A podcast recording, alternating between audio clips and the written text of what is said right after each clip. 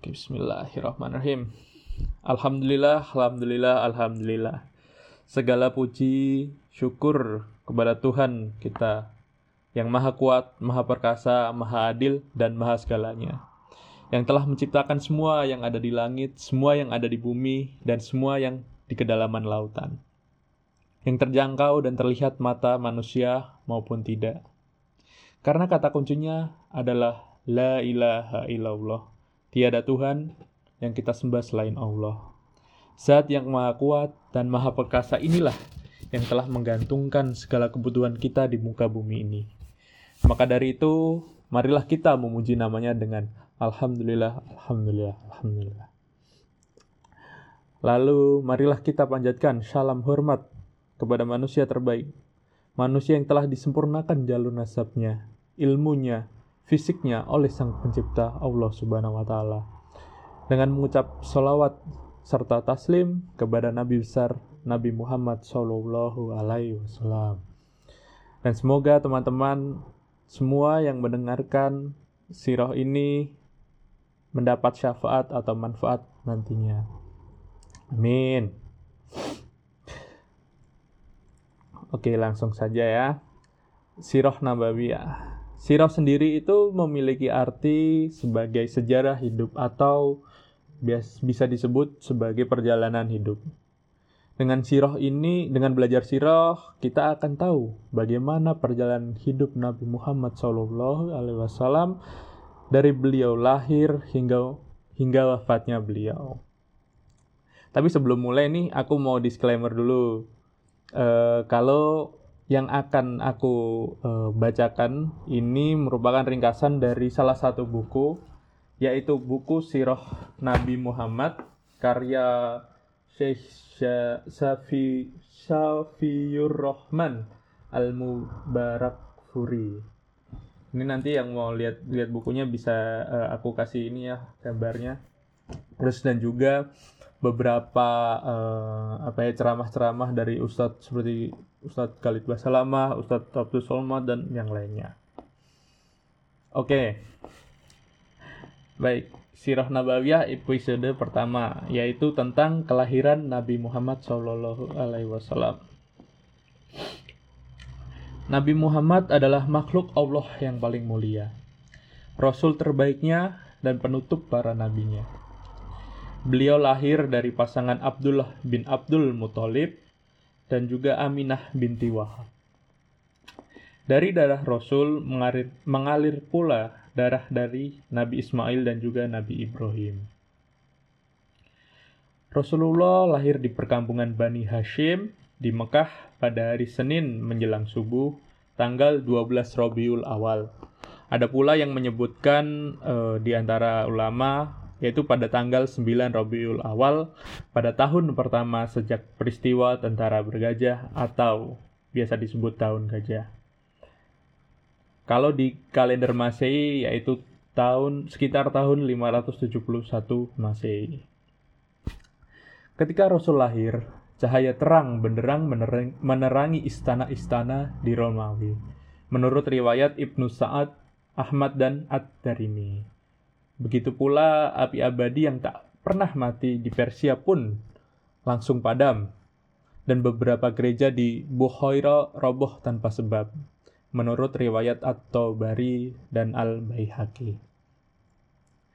Setelah lahir, Abdul Muthalib langsung menggendong cucunya tersebut dan lalu dibawa ke dalam Ka'bah. Karena pada saat itu Abdul Muthalib lah yang memegang kunci Ka'bah, kunci pintu Ka'bahnya. Ia lalu bersyukur kepada Allah, berdoa kepadanya, memberi nama bayinya tersebut dengan Muhammad, dengan harapan semoga bayi tersebut menjadi seseorang yang terpuji. Jadi yang memberikan nama Muhammad itu ternyata kakeknya, yaitu Abdul Muthalib. Setelah itu Abdul Muthalib melangsungkan akikah untuk beliau yaitu dengan disembelihnya kambing lalu menghitan beliau pada hari ketujuh kelahirannya dan juga memberikan jamuan makanan kepada orang-orang seperti yang dilakukan bangsa Arab pada saat itu. Kemudian tradisi orang Arab pada zaman itu yaitu ketika bayi yang baru lahir itu disusukan dengan perempuan lainnya yang bukan ibunya. Jadi wanita pertama yang menyusui Rasul setelah ibunda beliau bernama Suwaibah. Suwaibah. Ia merupakan salah satu budak sahaya Abu Lahab atau yang biasa kita kenal dengan paman Nabi sekaligus musuh bebuyutan Nabi kelak. Dan kemudian Suwaibah ini dimerdekakan oleh Abu Lahab karena kegembiraannya atas kelahiran Rasulullah. Suwaibah menyusui Rasul dengan air susunya yang keluar karena kelahiran anaknya yang bernama Masruh. Dan pada saat itu pula Suwaibah menyusui bayi-bayi lain di antaranya ada Hamzah bin Abu Muthalib. Ya, jadi pada satu sisi Hamzah ini merupakan paman Nabi dan di sisi di satu sisi itu pula uh, dia merupakan saudara persusuan Nabi. Dan juga ada yang namanya Abu Salamah bin Abdul Asad al-Maksumi. Dengan demikian mereka semua adalah saudara persusuan Nabi Muhammad SAW. Setelah disusui dengan Suwaibah, Nabi kemudian ditawarkan kepada sejumlah wanita dari Bani Sa'ad untuk disusui. Namun mereka enggan, kar men mereka enggan menerima beliau karena beliau adalah seorang anak yatim. Kemudian ada seorang wanita yang bernama Halimah binti Abu Suwaib. Dia sama sekali tidak menemukan satu bayi pun untuk dia susui ia akhirnya menerima Nabi dan akhirnya Halimah pun mendapat berkah yang sangat melimpah dari Allah Subhanahu wa taala. Adapun berkah yang didapat Halimah adalah sebagai berikut. Saat Halimah pergi ke Mekah, pada saat itu sedang musim kemarau dan musim paceklik. Ia pergi bersama suaminya, Nabi Muhammad, dan juga anaknya yang masih kecil. Mereka berangkat dengan seekor keledai betina yang jalannya sangat lambat dan lemah serta kurus. Mereka juga membawa seekor unta betina yang pada saat itu tidak menghasilkan susu setetes pun. Di saat Halimah menghampiri hewan tunggangannya dengan membawa Nabi, ia meletakkan Nabi di pangkuannya. Setelah itu, beliau menyusu kepada Halimah sampai puas dan akhirnya tertidur. Turut serta anaknya Halimah sendiri yang masih kecil ikut juga menyusu hingga tertidur pula. Lalu suami Halimah menghampiri untanya dan mendapati untanya langsung penuh berisi susu. Dia kemudian langsung memerah susunya dan mengajak istrinya untuk meminum susu sampai kenyang dan puas dan lalu ikut tertidur juga. Pada saat mereka kembali pulang ke pedalaman Bani Sa'ad, Halimah menunggangi keledai betina dengan membawa Nabi Muhammad SAW.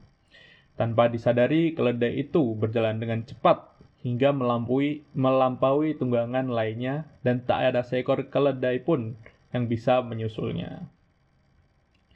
Akhirnya Halimah dan keluarga pun terus mendapat nikmat tambahan dari Allah Subhanahu wa taala hingga masa penyusuan genap dua tahun.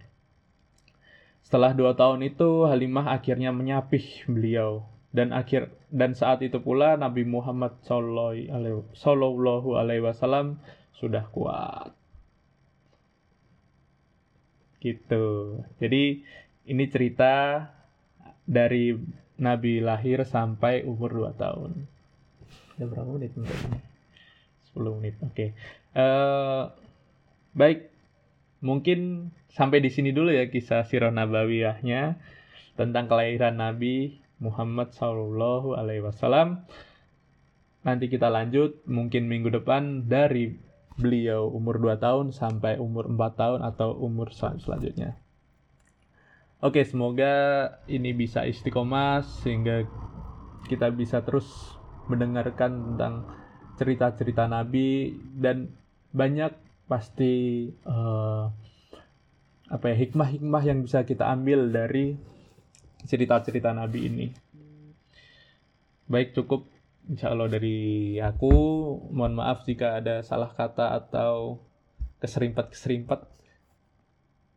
Terima kasih atas uh, perhatiannya. Assalamualaikum warahmatullahi wabarakatuh. Saya kembalikan lagi pada Bang Jul.